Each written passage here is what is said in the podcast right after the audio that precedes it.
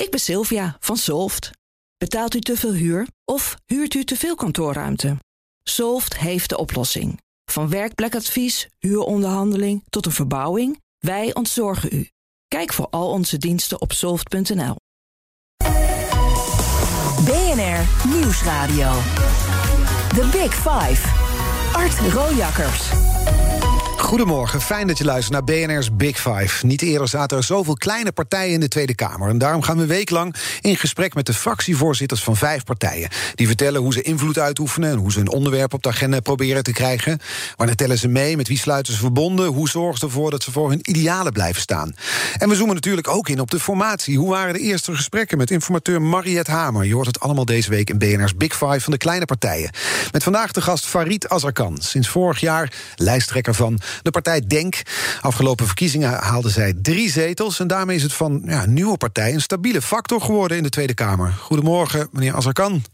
Uh, goedemorgen. We beginnen altijd met drie stellingen in dit programma. Uh, ja of nee, nuanceren mag later. Onder mijn leiding gaat Denk groeien tot een middenpartij. Ja.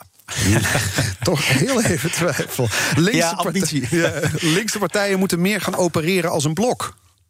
Ja. En de laatste, ik ben er klaar mee dat mensen Denk zien als een partij die alleen opkomt voor Nederlanders met een Turkse of Marokkaanse achtergrond. Ja. Drie keer ja. Ik had ze verwacht. We komen op alles terug. Maar begin deze week bent u op bezoek geweest bij Mariette Hamer, de nieuwe informateur. Daar heeft u gezegd dat u wel iets ziet in de zogenaamde Zeven Dwergen-coalitie. Alle partijen behalve de VVD, PVV en FVD, Forum voor Democratie. Een beetje een sprookje toch, hè? net als die echte Zeven Dwergen. Nou, ik, ik, denk dat het qua ambitie goed is. Ik denk dat het, het, het, niet heel realistisch is. Maar ik denk dat het wel goed is dat we niet altijd de VVD, die heeft in de afgelopen 50 jaar, nou volgens mij 42 jaar geregeerd, de afgelopen elf, uh, elf jaar bijna onafgebroken de premier. En we hebben gezien wat dat opgeleverd heeft. En ik denk dat het ook goed is dat we ook met, met zeg maar die, die bestuurscultuur onder leiding van, van Rutte afrekenen. Dat we recht doen aan, aan heel veel uh, mensen die slachtoffer zijn geworden van, van die overheid die onder Rutte is ontstaan. en dan is dit denk ik uh, een, een, een oplossing. Maar goed, ik heb gisteren alweer begrepen van mevrouw Kaag dat zij toch het heel anders ziet. En, en ik heb nog even gekeken, getalsmatig staan de VVD en D66 net beter voor dan wij als Denk. Dus ach. Ja, wie weet. Ja, dat is dan toch iets realistischer misschien. Het zou wel baanbrekend zijn, uh, natuurlijk. Maar ik zat tegelijkertijd te denken: zou u überhaupt in een coalitie willen stappen?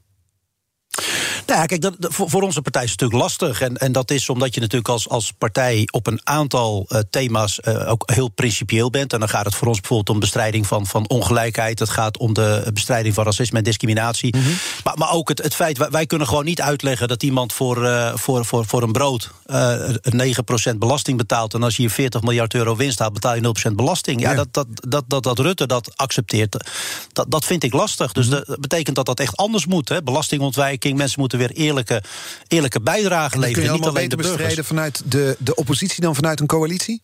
Nee, maar de vraag is of je, of je in, die, in die coalitie... of je dat beleid dan voor je rekening wilt nemen. Uh, en dan moet je dat, dat gaan uitleggen. Ja, en we hebben gezien dat dat voor heel veel partijen ingewikkeld is. Regeren met, met Rutte betekent per saldo een aantal krassen op je geloofwaardigheid. En, en we hebben nu zelfs gezien dat nou ja, Gert-Jan Segers... die probeert angstvallig weg te blijven bij, bij uh, het volgende kabinet. Dus ja.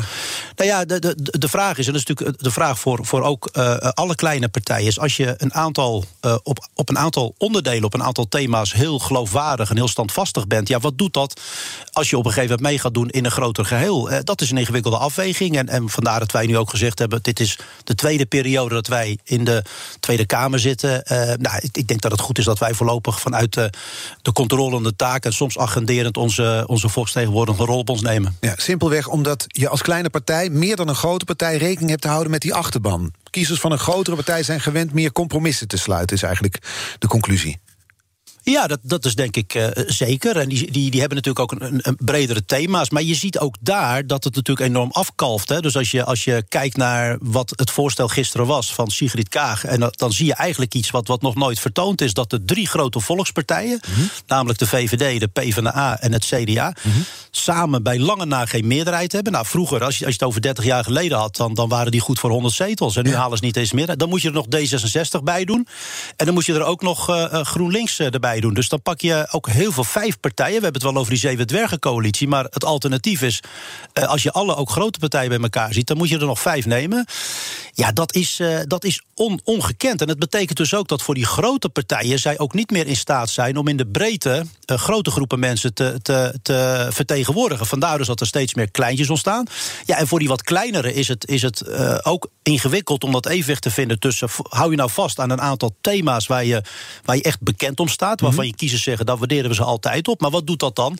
Uh, als je in het grote geheel mee gaat doen... en misschien gaat tekenen voor beleid waar zij niet, niet voor zijn. Precies, dat is een balanceeract, ook voor kleine partijen. Dus daar komen we over te spreken. Ik wil eerst nog even inzoomen op uw rol de afgelopen jaren in de Tweede Kamer. Want u persoonlijk en uw partij hebben een belangrijke rol gespeeld... in de toeslagenaffaire. Toch, als ik dan weer de, de krantenberichten daarover teruglees... dan lijken de credits vooral te gaan naar Pieter Omzicht en, en Renske Leijten. Uw, uw collega's met wie u dit op de kaart heeft gezet. Hoe komt dat, denkt u? Ja, ik, ik, denk dat het komt omdat uh, het CDA, waar uh, Pieter natuurlijk bij zit, en de SP uh, grotere partijen zijn. En die worden dus ook eerder uitgenodigd om aan te schuiven. Ehm, kijk, als je kijkt naar die, naar, die, naar die toeslagenaffaire, dan is die voor mij begonnen in 2017. de eerste die in, tweede, in oktober een aantal vragen erover heeft gesteld, was Pieter. Mhm. Ik was degene die in december bij het eerstvolgende overleg, wat niet ging over toeslagen, maar wat ging over belastingontwijking en, en over uh, fiscale zaken. Toen heb ik echt een enorm groot punt gemaakt van, van dit. En ik heb toen voor het eerst bepleit wat hier aan de hand was. Uh, en ook aangegeven dat er een veel grotere groep mensen dan alleen maar de toen bekende uh, 300 burgers uh, bekend waren. Ja. Uh, nou, bij die bijeenkomst was overigens Renske niet eens, nee. dat debat. Ehm, dus ehm, ja, ik, ik, ik denk dat het zo is dat zij wat dat betreft langer meelopen. Pieter is, is, zit in de top 5 van langzittende ja. Kamerleden. Natuurlijk een beter netwerk, ook betere ingangen. Ja, ik, ik ben relatief nieuw. Ik, ik ben natuurlijk als een zij-instromer in de politiek in 2017 ingestapt. En, en voor mij was het ook allemaal nieuw. Dus hoe je dat dan doet en hoe je dat organiseert. Meer, hè? Zou, zou het iets te maken kunnen hebben met het feit dat het, het beeld over denkt, het, het imago van uw partij, pak een beet, een jaar, anderhalf, twee jaar geleden ook niet al te best was? Uh, ik denk dat dat zeker een rol speelt. En dat gaat er dus om. Uiteindelijk gaat het erom of je het podium krijgt en of je ook die waardering krijgt. En ik denk dat dat, dat, dat, dat wel, wel meespeelt. Kijk, het is natuurlijk lastig om waardering te geven aan iemand waarvan je vindt dat die kennelijk bij een partij zit die die zelf niet zo prettig vindt. Waarvan je vindt van nou, die, die doen dat op een manier die ons niet aanstaat. Mm -hmm. dat, dat, is zo. Maar, maar vergeet ook gewoon niet dat, nogmaals, als je ervaren Kamerleden, en ik heb het dus niet over nu, hè, want ik, dit is het vijfde jaar dat ik in die Kamer zit, maar, maar pak een beetje twee, drie jaar geleden. Ik ben relatief nieuw in die, in die politiek. Ik, ik, loop al wat langer mee in Den Haag, maar ik ben nieuw in die politiek.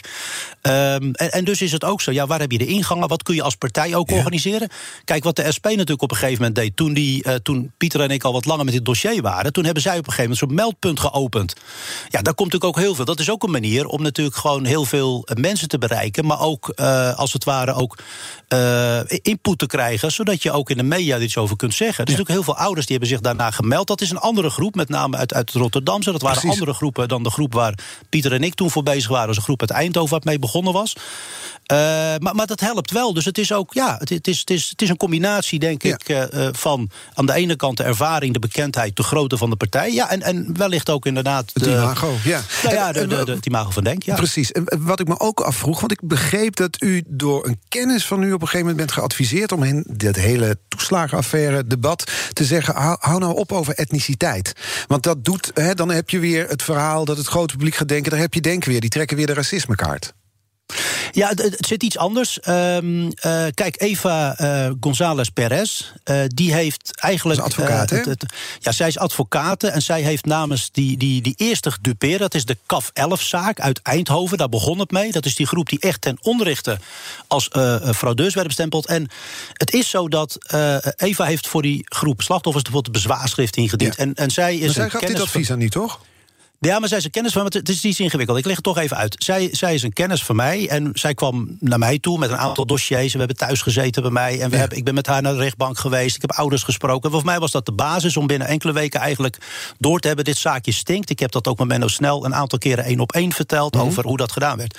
Zij zei op een gegeven moment tegen mij. Uh, haar, haar doel was eerst om eigenlijk de oneerlijke behandeling van de Belastingdienst op de kaart te krijgen. En ik was het met haar eens. En, en we trokken steeds eensgezin erop. He, naast uh, Pieter en, en uh, Renske op een gegeven moment zag je dat zelfs de PVV nam het op voor deze groep ouders.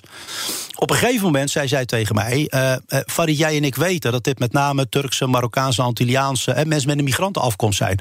Maar zij tegen mij: wil jij dat alsjeblieft nog niet inbrengen in het debat? He, zeg maar even dat wat de autoriteit persoonsgevers heeft vastgesteld, namelijk er is gediscrimineerd naar afkomst. En waarom zei ze, ze dat? Nou ja, omdat ze bang was dat een aantal partijen dan, dan minder sympathie zouden hebben. En eigenlijk zouden zeggen van ja, maar dan gaan wij niet meer zo hard werken voor deze groep. En wat denk, want dat is precies het punt nou waar Denk volgens mij voor ongeveer voor is opgericht. Wat, wat denkt u op zo'n moment? Precies. Nou, en ik weet nog dat moment. Ik stond in een wandelgang, namelijk ik liep even een plenair debat uit. En ik zei tegen haar, ik zei, Eva, dat, dat vind ik pijnlijk. Wat dat betekent dat je dus om, om eerlijk behandeld te worden in, in Nederland, moet je even je identiteit en je afkomst verhullen. En dat is precies waar ik niet voor sta. Ik heb toen. Uh, maar wel gedaan, daar, toch? U, hebt ja, het advies wel overgenomen.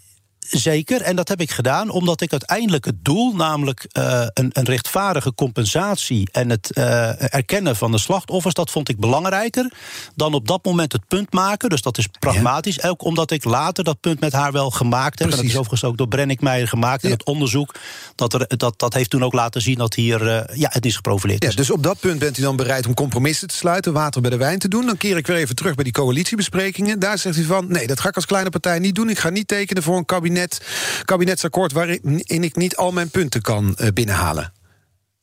Nee, kijk, dat heb ik niet gezegd. Ik heb gezegd dat dat niet op dit moment gewoon niet aan de orde is. Ten eerste moet maar je daar wil u geen compromissen sluiten?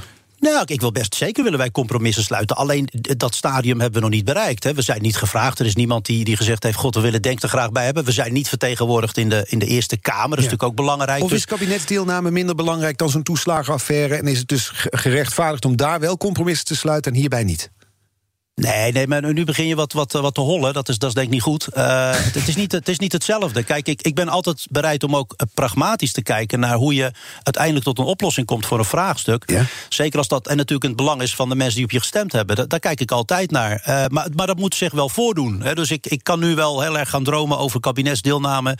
En wat zijn de punten waarvan ik mhm. zeg van nou, dat vind ik minder belangrijk. Dus daar kan ik water bij de wijn. Want die zijn er natuurlijk zeker. Ja. Wij hebben niet, niet, niet op alle punten hebben wij, uh, hebben wij dezelfde opvatting. En je, je moet daar uh, wielen en dealen. Dat is ook zo. Alleen dat, dat, is nu niet dat aan moment, de orde.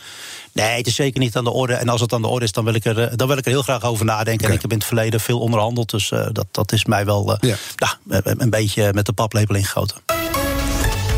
The Big Five. Art Rojakkers. Deze week vijf lijsttrekkers van kleine partijen. Vandaag de gast Farid Azarkan van de partij Denk. Tenminste, ja, ik zeg partij, maar jullie noemen Denk zelf een beweging in plaats van een partij. Ik vroeg me af waarom dat is. Nou, een partij suggereert meer dat je vanuit een soort centraal gecoördineerd punt uh, alles bestuurt. En wij zijn een beweging omdat we uh, ten opzichte van andere partijen ook echt veel de straat op gaan. Ja. Dus wij, wij zoeken de mensen ook echt op. Dat zit ook in onze campagnes. Dat hebben we de laatste keer ook weer met, met onder alle moeilijke omstandigheden gedaan. Dus wij proberen veel meer ook, zo'n zo toeslagenaffaire. Dan, dan is het niet zo dat wij pas met mensen in gesprek gaan of met Black Lives Matter. Dan gaan we niet pas mm -hmm. met mensen in gesprek op het moment dat zich een probleem voordoet. Maar wij zijn als beweging onderdeel van de samenleving. En wij proberen daarin ook, ook continu in, in, in, in overleg en in uh, gesprek te zijn. Het zijn ook mensen die binnen onze partij zitten die ja. dat ervaren. Dus het is, het is, we zijn meer, veel meer onderdeel van die, van die samenleving. Proberen mensen ook daarin mee te trekken, mee te ontwikkelen. Ja.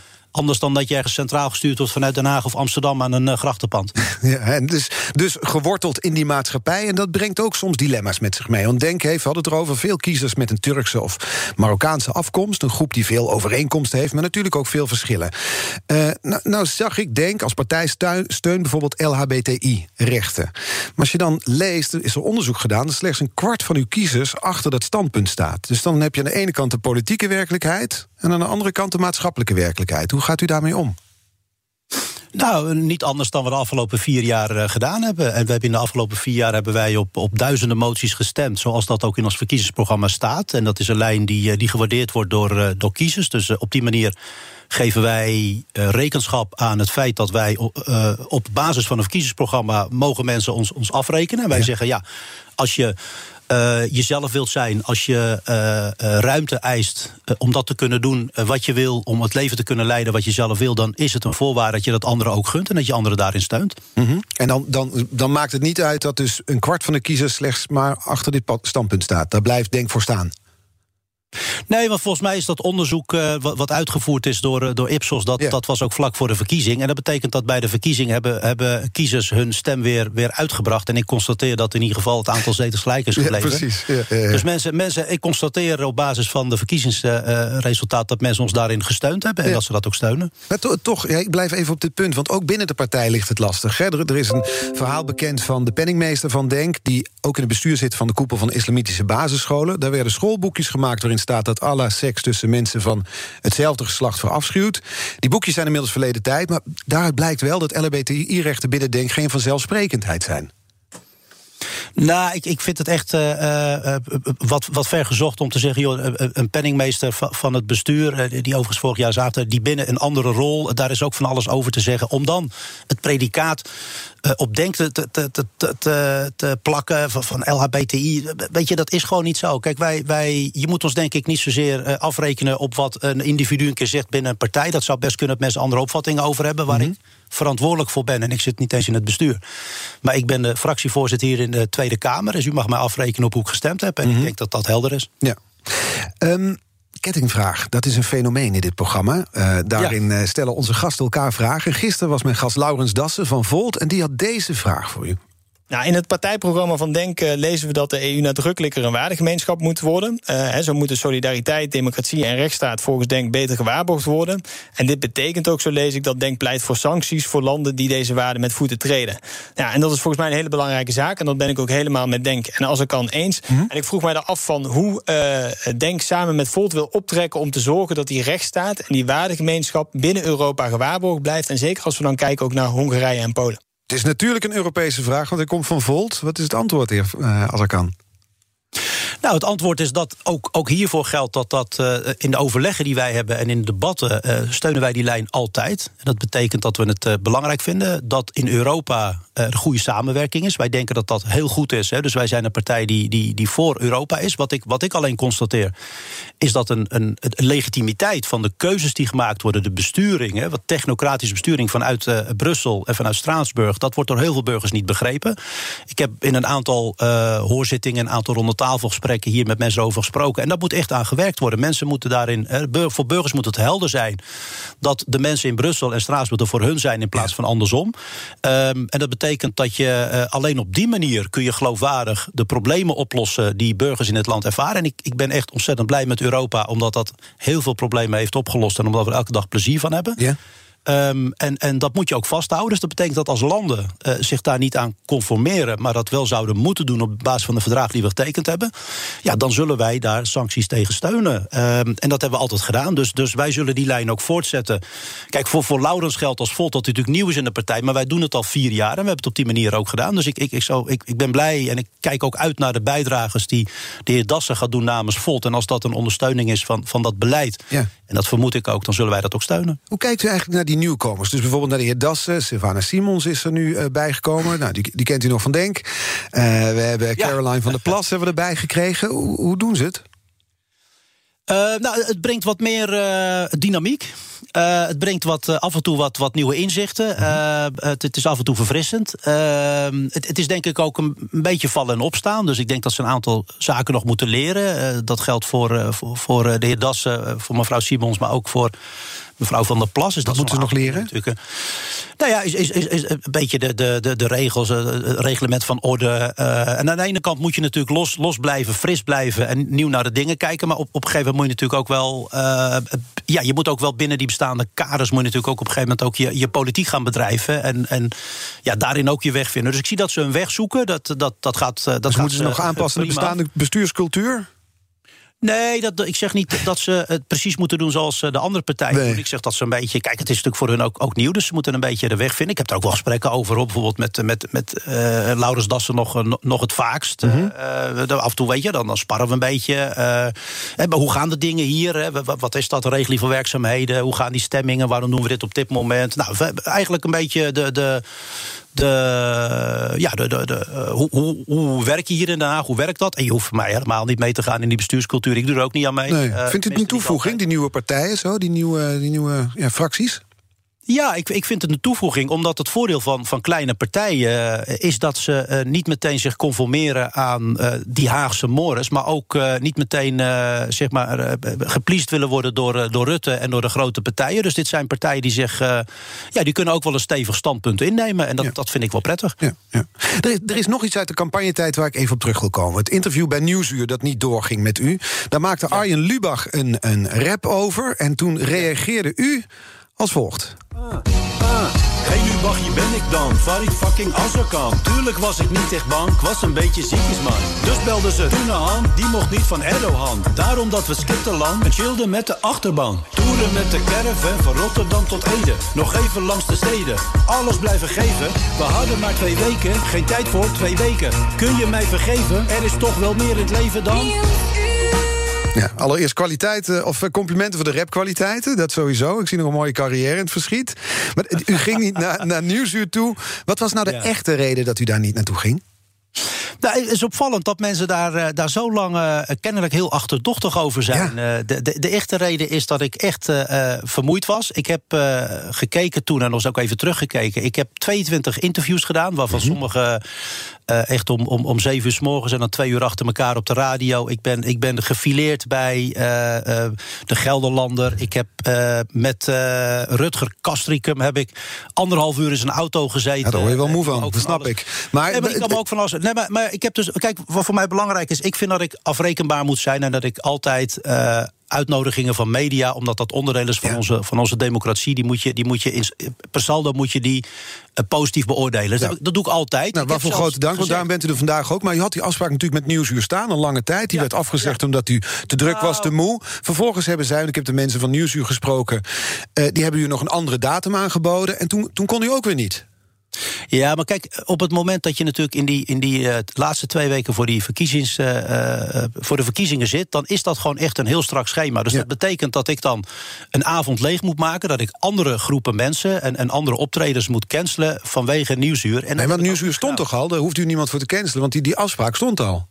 Ja, alleen op het moment dat je ziek bent, dan kun je daar natuurlijk niet heen. En dan nee. moet je dus een ander moment gaan zoeken. En dan moet je een andere groep gaan teleurstellen. Ja, ja. En dan, dan ja. gaan ze op de radio weer zeggen: van ja, waarom heeft u mij, waarom was u niet bij mij? Ik, ik, heb, ik heb bijna anderhalf uur één op één met Thierry Baudet. Ik heb een, een, een anderhalf uur bij. Ik Eva heb u gezien bij Eva Jinek. Ja, dat was ook een dus slijtageslag. U, ja. U, u, kunt, u kunt, maar ik, ik merk wel, en dat is toch iets, iets arte, dat, dat vind ik toch nog wel interessant. Is dat, dat zeg maar, een politicus gewoon geloven dat, dat hij ziek is, dat is ook ingewikkeld. Nee, ja, waar het mee te maken heeft natuurlijk, is dat dan achteraf blijkt dat bijvoorbeeld Nieuwsuur door voorbereiding op elk gesprek doen ze, deden ze dat kiezersonderzoek. Daar bleek uit, een van de dingen die eruit kwam... was dat 9 van de 10 denkstemmers vinden dat spotprenten... van de profeet Mohammed verboden moeten worden. Dat is een gevoelig punt, vooral dat maakte u vlak nadat... een Franse leraar om die reden vermoord was. Ja. Dan lijkt het ook alsof het misschien te heet onder uw voeten werd. Dat u dacht, ik ga er maar niet naartoe, want ik heb daar nu niks te winnen. Nee, maar dat, zo zit ik niet in elkaar. Ik denk dat je. Kijk, je, je, hoeft niet, je, je hoeft niet altijd iets te winnen. Ik vind het ook gewoon kwaliteit als je gaat verantwoorden. En als er nou één ding is wat ik altijd gedaan heb, en dat kunt u ook terugkijken, is dat ik ook als het binnen onze partij uh, lastig was, dan heb ik altijd gezegd: ik vind dat we ons moeten verantwoorden. Toen wij vorig jaar op de ALV onze moeilijkste tijd uh, meemaakten, ik net aangetreden was mm -hmm. als politiek leider, toen heb ik gezegd: zet de camera van Politiek 24 maar gewoon op onze ALV. Dat was de meest spannende ALV die we hadden. Ja. We gaan gewoon live uitzenden en dat is ook zo gegaan. En dat betekent dat de NOS heeft dat uitgezonden. RTL had, had de rechten om dat, om dat ook te kunnen doen. Dus ik vind dat ik mezelf moet verantwoorden. Dus dan, dan ken je mij niet goed als je denkt dat het mij het heet onder de voeten uh, wordt. Je hoeft niet altijd elke wedstrijd te winnen, soms moet je ook gewoon goed verdedigen. Ja, en dat had die avond gekund. Alleen ja, u was, u was te, te ziek, te moe. Ja, maar er komt echt wel weer een moment dat ik, uh, dat ik bij Nieuwsuur zit, dat beloof ik. En dan zal ik op de bank klaar zitten om te kijken. We spreken zo verder met Farid Azarkan van Denk. Die pleit voor een open en transparante bestuurscultuur. Hoe dat eruit gaat zien, horen we zo in BNR's Big Five van de kleine partijen. BNR Nieuwsradio. The Big Five. Art Rojakkers. Welkom bij het tweede halfuur van BNR's Big Five. Deze week vijf leiders van kleine partijen. Met vandaag de gast Farid Azarkan van Denk. Ja, meneer Azarkan, we schakelen even naar onze politiek verslaggever Thomas van Groningen. Die loopt daar rond op het Binnenhof, hoort van alles in de wandelgangen. Thomas, goedemorgen. Hoe, hoe staat Denk als kleine partij bekend daar? Wat wordt er gefluisterd en gezegd? Nou ja, wat dan opvalt is dat ook iedereen wel ziet dat Denk um, een, toch een transformatie heeft ondergaan uh, onder leiding van Farid Azarkan. De partij begon natuurlijk veel relletjes, uh, netprofiel op social media, onhandige uitspraken, uh, de breuk met Sylvana Simons, het weigeren van de hand geven aan de Israëlische premier, intimiderende filmpjes. Nou goed, dat hoeven we allemaal niet op te rakelen, maar dat, er waren veel relletjes. En wat je ziet is dat ook andere politici daarom vaak toch een stapje afstand namen van zo'n partij. Dat zie je vaak. Dan komt de partij een beetje alleen te staan. Mm -hmm. En wat je je ziet, en dat valt op... en dat is eigenlijk een compliment wat je kan maken uh, naar uh, de heer Azarkan... namelijk dat uh, de partij de laatste tijd weer wat serieuzer genomen wordt. De rust lijkt daar teruggekeerd. Er is een breuk met het verleden gemaakt. En als je bijvoorbeeld kijkt naar de optredens van meneer Azarkan... in bijvoorbeeld de toeslagenaffaire... dat zorgt ervoor dat veel andere partijen in de Tweede Kamer... denk weer wat meer zien als een partij om mee samen te werken... waar je mee op kan trekken. Um, en nou ja, dat zag je ook terug in de uitslag van de Tweede Kamerverkiezingen. Die was hoger dan uh, veel mensen vooraf hadden verwacht. Ja, maar hetzelfde zetelaantal dat ze hadden natuurlijk. Ja, maar de, de, de, de, verwachting was wel, als je kijkt naar de peilingen waar ze lange tijd op gestaan hebben, was, het, was er misschien wel sprake van een verlies. En dat is eigenlijk niet gebeurd. En dat, nou ja, dat zegt iets over de rust die wellicht is teruggekeerd in die partij. Althans, zoals we dat van buiten zien. En zoals je een beetje proeft in de wandelgangen in het Tweede Kamergebouw. Oké, dankjewel Thomas voor vandaag. Spreek je morgen weer terug naar Farid Azarkan. Mooie complimenten van onze verslaggever trouwens. Ja, ze waren wel voorzichtig. Zo ken ik uh, uh, Thomas niet. Maar, maar nee hoor, nee, ik, ik begrijp dat. Uh, dus het blijft wat argwanend, merk ik. Ja, nou ja, het, het, toch ook wel naar, naar uw optreden. Wel complimenteus. De rust is wedergekeerd in de partij. Ja, maar hij zei er wel, het lijkt wel. Hè. Het zijn een beetje koppelwerkwoorden die hij zegt. Het lijkt wel, het schijnt. Uh, en dat, ik luister goed naar, naar wat hij zei. Maar, ja. maar ik, ik vat het als een compliment op dat wij natuurlijk vorig jaar... we hebben natuurlijk een aantal weken, was het gewoon lelijk. Het was niet goed voor de politiek, het was niet goed voor denken. We hebben op een gegeven moment gezegd, op, vanaf 16 mei vorig jaar... Ja ik ben halverwege april politiek leider geworden. Vanaf 16 mei hebben we gezegd, we gaan ons focussen op de kiezer. We gaan ons focussen op dat waar we voor gekozen zijn... en, en wat we echt moeten doen en, en waar ze ons willen afrekenen. En uh, vanaf 16 mei vorig jaar is er eigenlijk uh, niets gebeurd binnen de partij. De partij is volledig, is bij elkaar gebleven. Er is niemand weggegaan. Nee. En ik denk dat dat ook niet alleen uh, naar mij toe, maar, maar ook naar in de breedte... dat we de verantwoordelijkheid hebben genomen. Dus ik, ik, ik vind dat mooi. En ik denk dat dat ook echt is wat we moeten doen. Laten we ons niet te veel met onszelf bezig, bezighouden... maar laten we echt doen waar, we, ja, waar, waar kiezers ons voor afrekenen. Want anders verliezen ze ook dat vertrouwen in die politiek. Laten we daar eens kijken naar dat vertrouwen in de politiek. Want wat er is gebeurd de afgelopen maanden in de Tweede Kamer... dat er nu uh, door allerlei omstandigheden, door de verkiezingen, door afsplitsingen, 18 fracties in de Tweede Kamer zitten. Nu is Denk natuurlijk zelf ook ontstaan door een afsplitsing. Kuzu en Usturk in 2015 uit de PvdA. Uh, dat soort afsplitsingen zorgden ervoor dat we nu zoveel fracties in die Kamer hebben. Dat wordt ook wel zetelroof genoemd, hè? Die, die zetels meenemen. Ook wat Liane Den Haan nu bij 50PLUS heeft gedaan, bijvoorbeeld. Hoe kijkt u daarnaar? In welke gevallen mag het nou wel en welke gevallen mag het niet? Nou, kijk, ik, ik merk dat uh, afhankelijk van waar je staat, dat je het de ene keer als een uh, als zetelroof uh, kenmerkt. En de andere keer zeg je dat dat hoort bij onze democratische spelregels. Dus ik, ik vind dat ingewikkeld. Als ja. ik nou kijk naar, naar Baudet, die zegt ik wil geen zetelrovers, niks. En vervolgens gaat hij een zee met Van Hagen en gaat hij er weer van door. Dus ik, ik vind dat allemaal, voor mij is dat wat onnavolgbaar. Ik kijk naar met name naar, naar wat ik zou doen. En ik zelf ben nergens afgesplitst. Dat heb ik nooit gedaan. Ik heb op eigen kracht in 2017 als niet-lijsttrekker heb ik uh, bijna 62.000 stemmen gekregen. Het mandaat om hier in die Kamer aan de slag te gaan. Mm -hmm. Ik heb bij de tweede verkiezingen als politiek leider uh, uh, mede ervoor gezorgd dat we met drie zetels in die Kamer zitten. En ik doe dat op eigen kracht. En, en al het andere, ja, daar, kijk ik naar. En ik vind er ook wel iets van dat er 18 partijen zijn. Dat betekent meer overleg, dat betekent langere debatten. En aan de andere kant is dat voor de herkenbaarheid van groepen mensen is, is dat goed. En als het moment komt dat we met elkaar zeggen... ja, dat werkt niet, ja, dan moeten we iets anders verzinnen wat beter is. Maar tot nu toe heb ik daar niets over gehoord. Anders dan een kiesdrempel. Maar dat zou betekenen dat bijvoorbeeld een kiesdrempel zoals in Duitsland of in, in, in, in België... nationaal van 5 betekent dat je een heleboel partijen, daar komen zelfs partijen als, nou ja, als de PvdA, maar, maar ook de oudste partij van Nederland, de SGP, zou daar geen bestaansrecht meer hebben. En ik denk dat dat echt te ver gaat. Ja, ja. Nu, nu is het natuurlijk zo dat al die fracties zorgen, inderdaad, u zei het ook al, voor meer overleg, voor versplintering, voor het idee dat het daar in Den Haag misschien nog stroperiger uh, zal gaan. Is dat iets waar u tegenop kijkt voor de komende jaren? Ik, ik, maak me wel zorgen om de lengte van het debat, uh, omdat we niet alles, alles weer herhalen. Ik maak me inderdaad ook wel wat zorgen over, ja, is, dat nou nog goed te, te, hanteren? Is het allemaal goed te doen? En aan de andere kant tel ik ook de zegeningen dat je met, uh, met, dit, met deze partijen ook wel een stem van een groep uh, mensen, een groep Nederlanders goed vertegenwoordigt. En die kunnen op een andere manier kijken en op een andere manier deelnemen.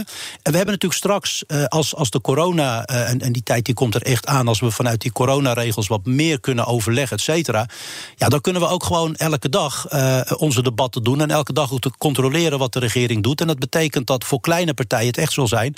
Ja, dat als er zeg maar 15 uh, eh, overleggen tegelijk zijn. en je zit met één of twee mensen. dan kun je er één of twee doen. En, dan, en dan, dan is dat het. Dan moet je dus ook kiezen. Dat moeten die kleine partijen nog, denk ik, echt, echt leren.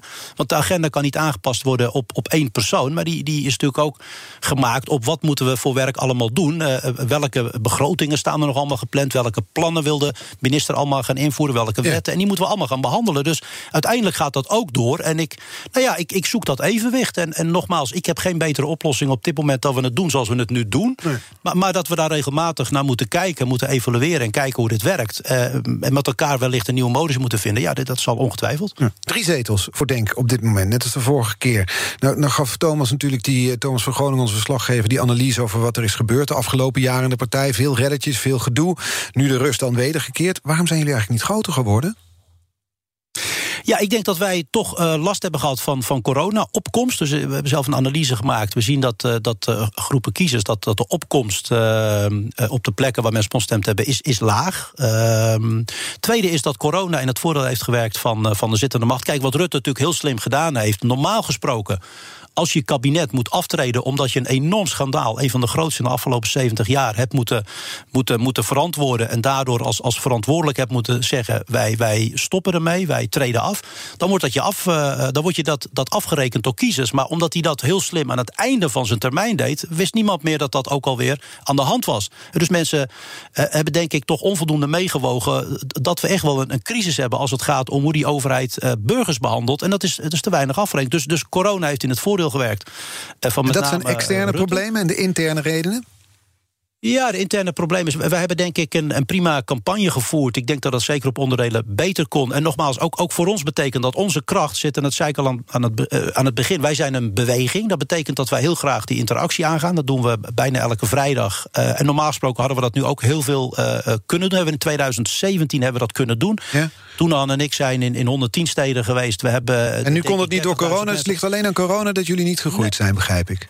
Nee, ik denk dat je het andersom moet zeggen. Ik denk dat de corona ervoor heeft gezorgd dat wij niet de campagne uh, konden voeren die we hadden willen voeren. Ik denk dat uh, wij met drie zetels, als je kijkt zeg maar, naar hoe links terug is gegaan, hè, GroenLinks bijna gehalveerd, de Partij van de Arbeid historisch laag op negen, de ja. SP verloren. Nou ja, dan zijn wij gelijk gebleven. Dat kun je uitleggen als winst. Ja, dat is een voetbalcoach uitleg inderdaad, hè, na zo'n wedstrijd. Dat snap ik dan ook wel ja, weer. Maar je... tegelijkertijd zou je kunnen zeggen dat de nieuwkomers als Volt, gisteren was Laurens Das hier te gast, deden heel veel met social media. Die komen van niks ook op drie zetels. Ja, ja, maar kijk, nou, nou, nou doe je iets heel selectiefs. Hè. Je pakt één partij erbij die dat dan goed doet. En dat deed u net ook, volgens mij. Toen pakt u wat partijen eruit die aan het verliezen waren. Dus wat dat betreft kunnen we elkaar de hand geven. Op, nee, op links hebben ze, hebben ze vrijwel allemaal verloren, volgens mij. Maar, maar je kunt ook zeggen, kijk nou eens naar een partij als Code Oranje, Richard de Mos. Mm -hmm. haalt nog geen halve zetel. Mm -hmm. Dus, dus het is niet per saldo zo, zeg ik, dat een nieuwkomer zetels krijgt. Het is ongelooflijk moeilijk om uh, in, die, in dat hart van de democratie in de Tweede Kamer je plek uh, te vinden. Je ziet dat er melden zich altijd zo'n 85 partijen aan. Ja. Uiteindelijk zijn er zo'n 30 die dan meedoen met de verkiezingen.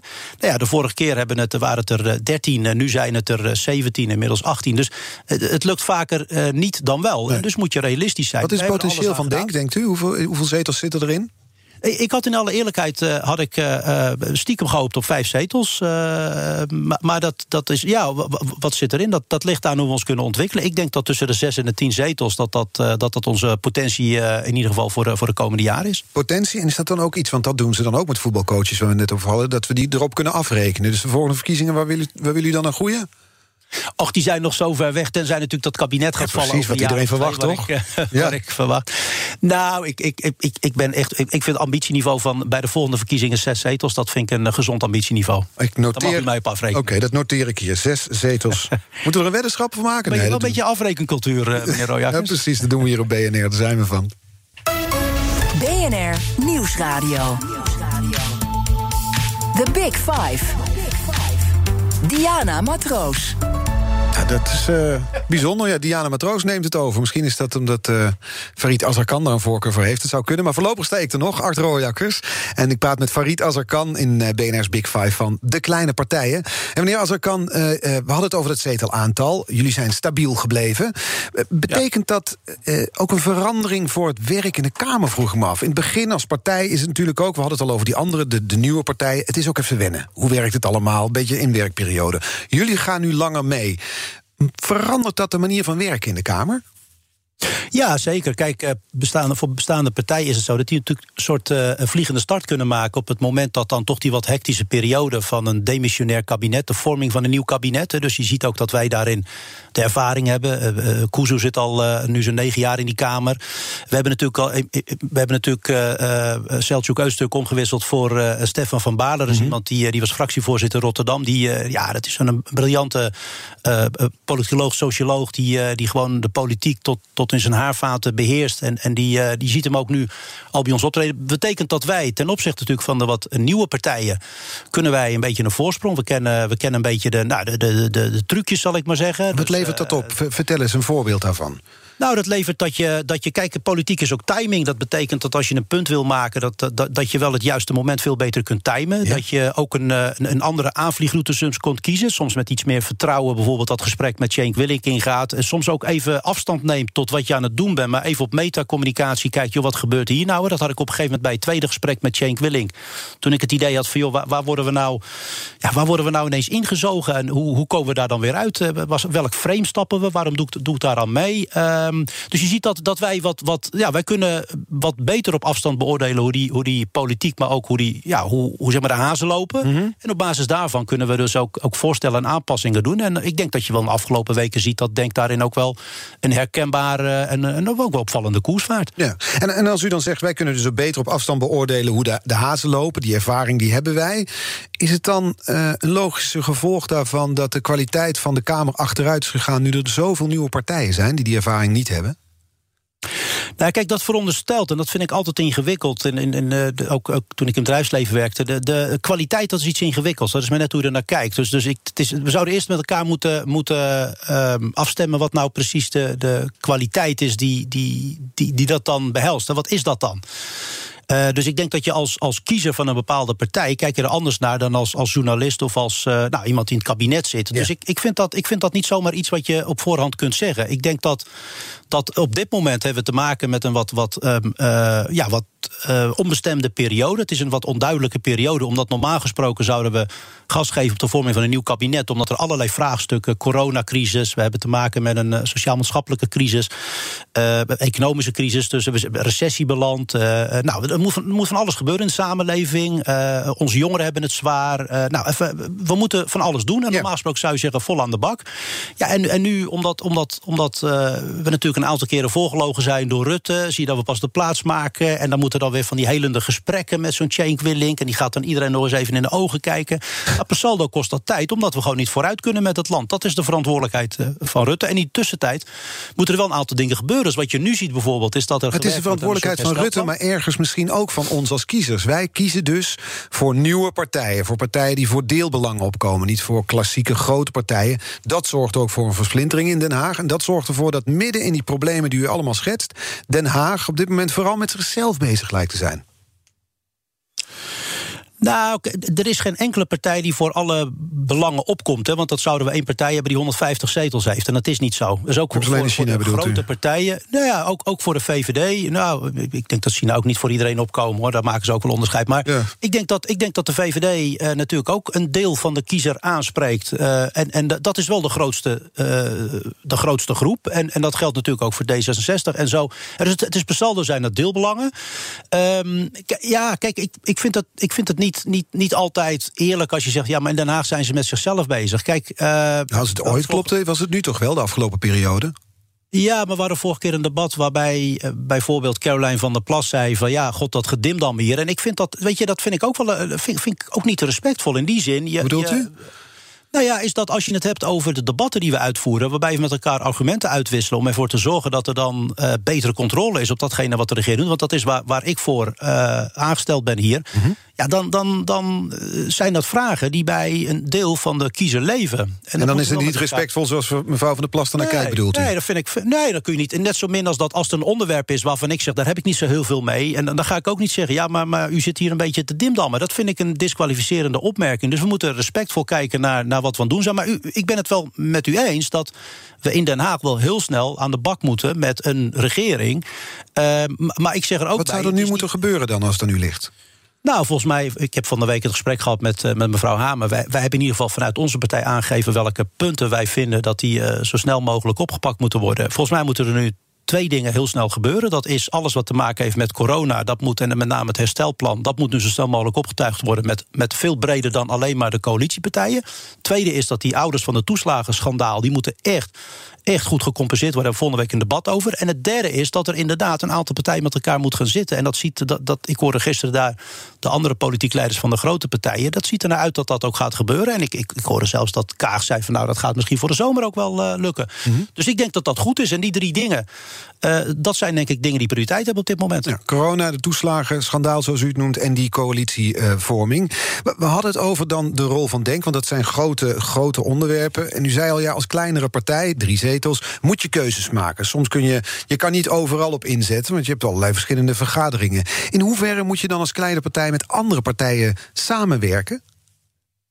Nou, je, je kunt niet anders. Je kunt niet anders dan. Kijk, zonder steun van andere partijen betekent dat elk voorstel wat je doet, gaat het nooit halen dus dat betekent dat je uh, het beste op voorhand afstemming kunt zoeken. Dat doen wij dagelijks. dus, dus wij worden dagelijks benaderd, of wij benaderen andere partijen om samen op te trekken. Of dat nou gaat om het, om het toeslagenschandaal, of dat nou gaat om, om financieel-economische zaken.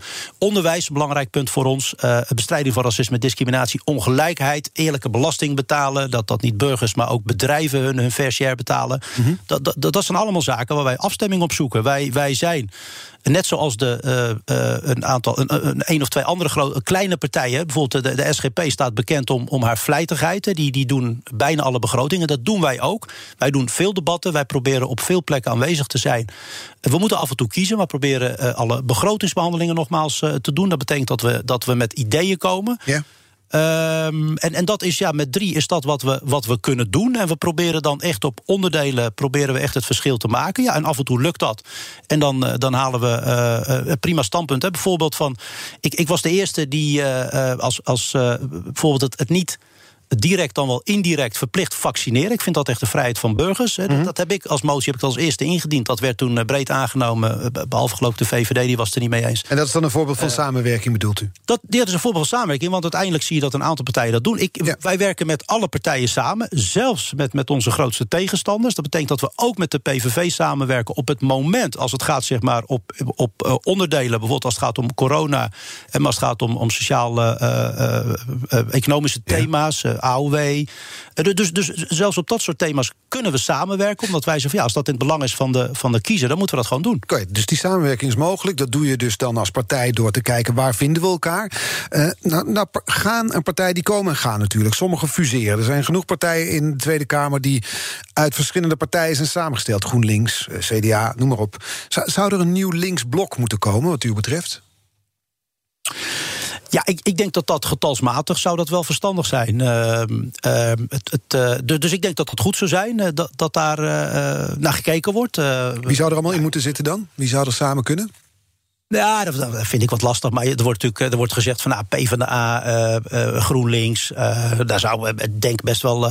kijk, wij, wij stemmen voor als het gaat om. om meeste thema's, als het gaat om, om uh, klimaat, et cetera, stemmen wij voor 98% hetzelfde als GroenLinks. Dus, op, op, op dus Ding zou wel bij zo'n linksblok als PvdA, GroenLinks zou erbij kunnen? In, in, in ieder geval in de samenwerking vormen we dat blok al. Uh, en dat zou je, uh, ja, of, of je dat dan verder moet brengen. Ja, dat, dat, dat, dat, dat weet ik niet. Daar ben ik ook nog niet ervaren genoeg in. In die zin heb ik niet in het verleden meegemaakt hoe partijen zoals bijvoorbeeld het CDA, maar ook uh, GroenLinks, hoe die toen uit verschillende onderdelen bestonden, of verschillende type partijen. En die zijn ook samen. Dat, dat heb ik niet goed. Uh, meegekregen in ieder geval. Dus daar, daar, daar, zouden we echt, echt wat langer naar moeten kijken. Maar wij staan altijd open uh, voor samenwerking met andere partijen. We doen dat nu al. Hè, dus als het gaat toch even over. Ja, maar je staat dus open voor, zo, voor zo, de vorming van zo'n linksblok. Uh, in de zin van dat dat die, die samenwerking zou kunnen verstevigen. Absoluut. Ik heb ook gezegd tegen. Toen natuurlijk dat blok kwam van PvdA, SP, GroenLinks. Dat was vrij kortstondig in de, in de, voordat het kabinet viel. Toen heb ik gezegd: ja, jullie hadden me ook wel kunnen bellen. Maar goed, ik snap ook wel. Kijk, drie zetels. Ik moet ook realistisch zijn. En, en ik snap ook wel dat drie zetels zijn. Is getalsmatig nou, nou niet meteen het eerste waar je aan denkt. Dus als je natuurlijk met, met een paar partijen rond die negen zetels, tien zetels zit.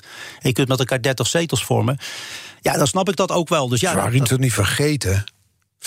Nou, je zou het niet zeggen, want we waren best wel zichtbaar. Dus ik, ik, ik, heb een tijdje in de hoek gehuild en uiteindelijk... Uh, nee hoor, dat, dat valt best mee. Dat is na de volgende verkiezing allemaal anders. Als u die zes zetels haalt, waar ik dus die, die heb ik hier nog steeds om, omcirkeld op mijn papiertje staan.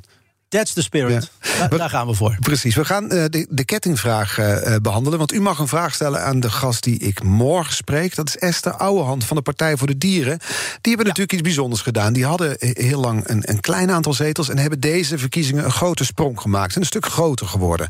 Wat zou u van haar willen weten?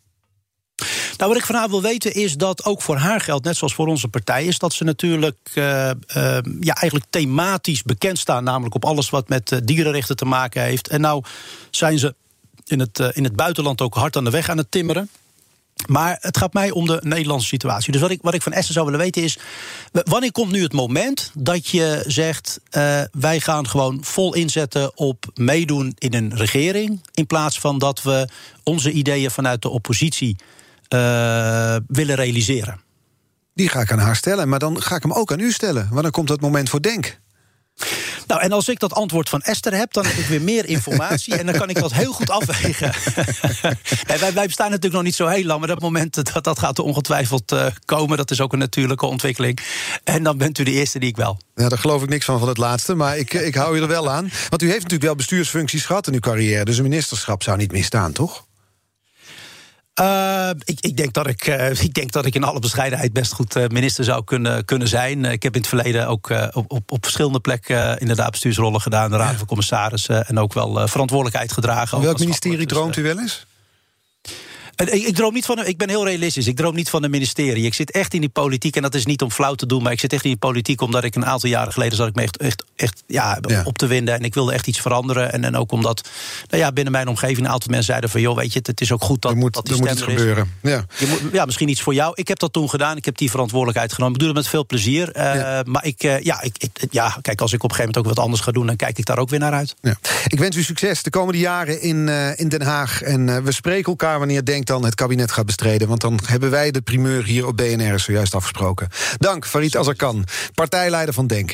Um, nog even snel zeggen dat alle afleveringen van BNR's Big Five... natuurlijk terug te luisteren zijn. De podcast, daar kun je, die kun je vinden in de BNR-app en op bnr.nl. En nu op deze zender Ivan Verrips met BNR Breekt. Tot morgen.